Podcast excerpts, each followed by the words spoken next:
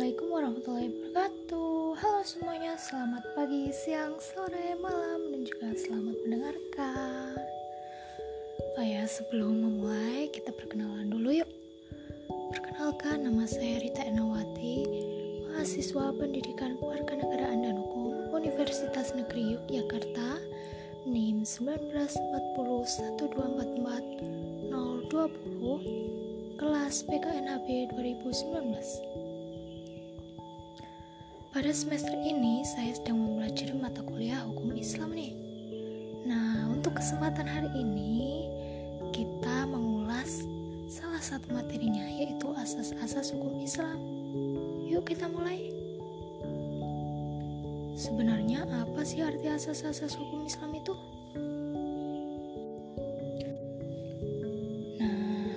Asas hukum Islam merupakan dasar atau pondasi bagi kebenaran yang dipergunakan sebagai tumbuhan berpikir, terutama dalam penegakan dan pelaksanaan hukum Islam dalam kehidupan sehari-hari. Asas hukum Islam merupakan landasan di atas mana dibangun tertib hukum. Selanjutnya, asas hukum Islam itu cukup banyak jumlahnya. Ada yang umum, ada pula yang bersifat khusus. Asas yang bersifat umum terdapat dalam semua bidang hukum Islam. Ada pula yang spesifik terdapat dalam bidang-bidang hukum Islam tertentu. Asas hukum Islam berasal dari Al-Quran dan Sunnah yang selanjutnya dikembangkan oleh para ahli hukum Islam.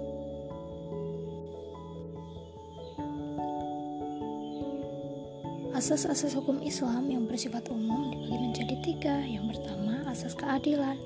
Asas keadilan merupakan asas yang sangat penting dalam hukum Islam. Demikian pentingnya sehingga ia dapat disebut sebagai asas semua asas hukum Islam. Asas keadilan mendasari proses dan sasaran hukum Islam. Keadilan merupakan nilai yang paling asasi dalam ajaran hukum Islam. Menegakkan keadilan dan memberantas kezaliman merupakan salah satu tujuan diturunkannya wahyu. Keadilan diletakkan sederajat dengan kebajikan dan ketakwaan. Yang kedua, asas kepastian hukum.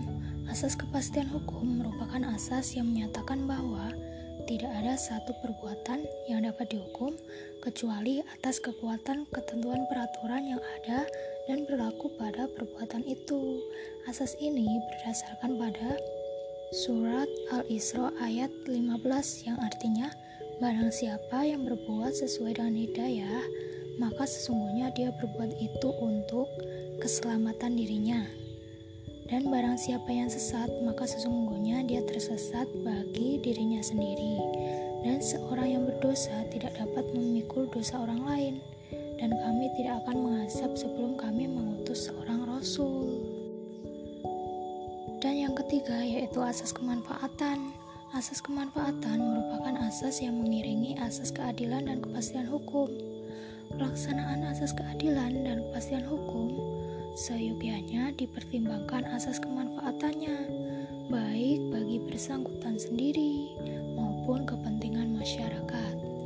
Kemanfaatan hukum sangat berkorelasi dengan tujuan pemidanaan,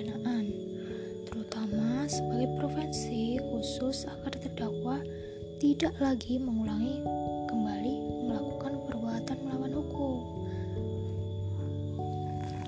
Dan prevensi umum, setiap orang berhati-hati untuk tidak melanggar hukum karena akan dikenakan sanksinya. Putusan hakim terus memiliki manfaat bagi dunia peradilan, masyarakat umum, dan perkembangan ilmu pengetahuan. Pembahasan selanjutnya adalah tentang penerapan asas-asas hukum Islam. Yang pertama itu dalam bidang hukum pidana dibagi menjadi tiga asas. Yang pertama, asas legalitas. Asas legalitas merupakan asas yang menyatakan bahwa tidak ada pelanggaran dan tidak ada pidana.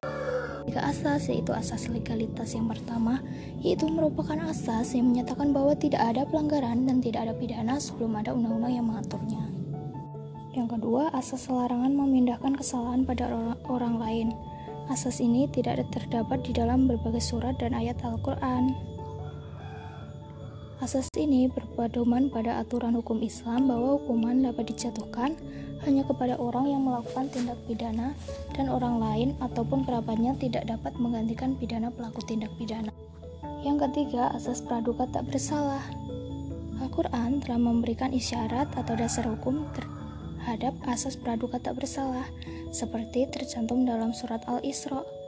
Ayat ini diawali dengan dorongan untuk berbuat baik, karena perbuatan baik hanya untuk keselamatan dirinya, dan begitu pula sebaliknya. Baiklah teman-teman, sekian pengulasan hari ini mengenai asas-asas hukum Islam. Terima kasih. Wassalamualaikum warahmatullahi wabarakatuh. Asas hukum Islam. Pembahasan selanjutnya yaitu tentang penerapan asas-asas hukum Islam. Yang pertama di bidang hukum pidana dibagi menjadi tiga